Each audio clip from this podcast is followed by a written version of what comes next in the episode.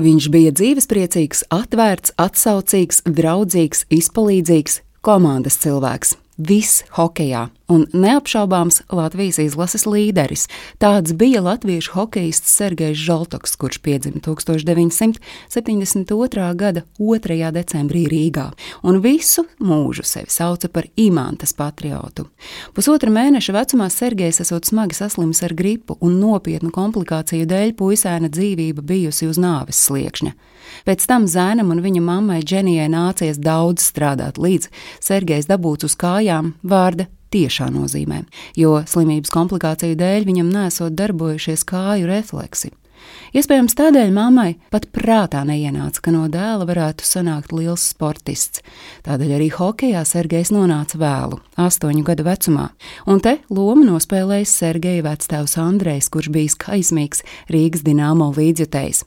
Tieši viņš aizveda astoņgadīgo mazdēlu pie trenera Piotra Hmeļņīcka, kurš nebaidījās grupā, kurā citi puikas jau mācīja viens otru apvest, uzņemt zēnu, kurš pat nemācīja slidot.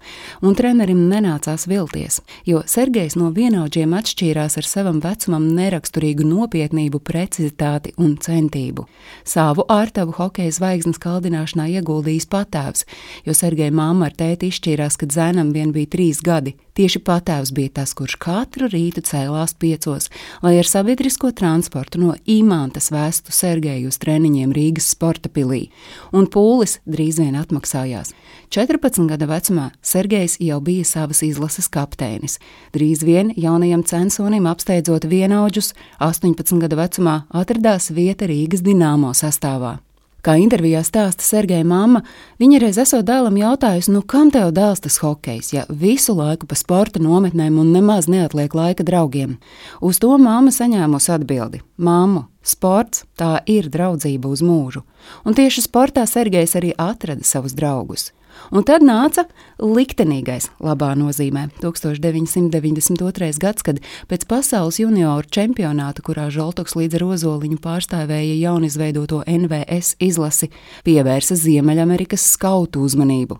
Žoltoks trāpīja īstajā vietā un laikā. 1992. gada NHL draftā viņu izvēlējās Bostonas Bruins, kur hokejists piedalījās 26 spēlēs, cenšoties pierādīt, ka ir vērtīgs Nacionālajai hokeja līgai. Bet Bostonas Bruins vadība bija citās domās, un turpmākos gadus Žoltoks aizvadīja zemākās līgās.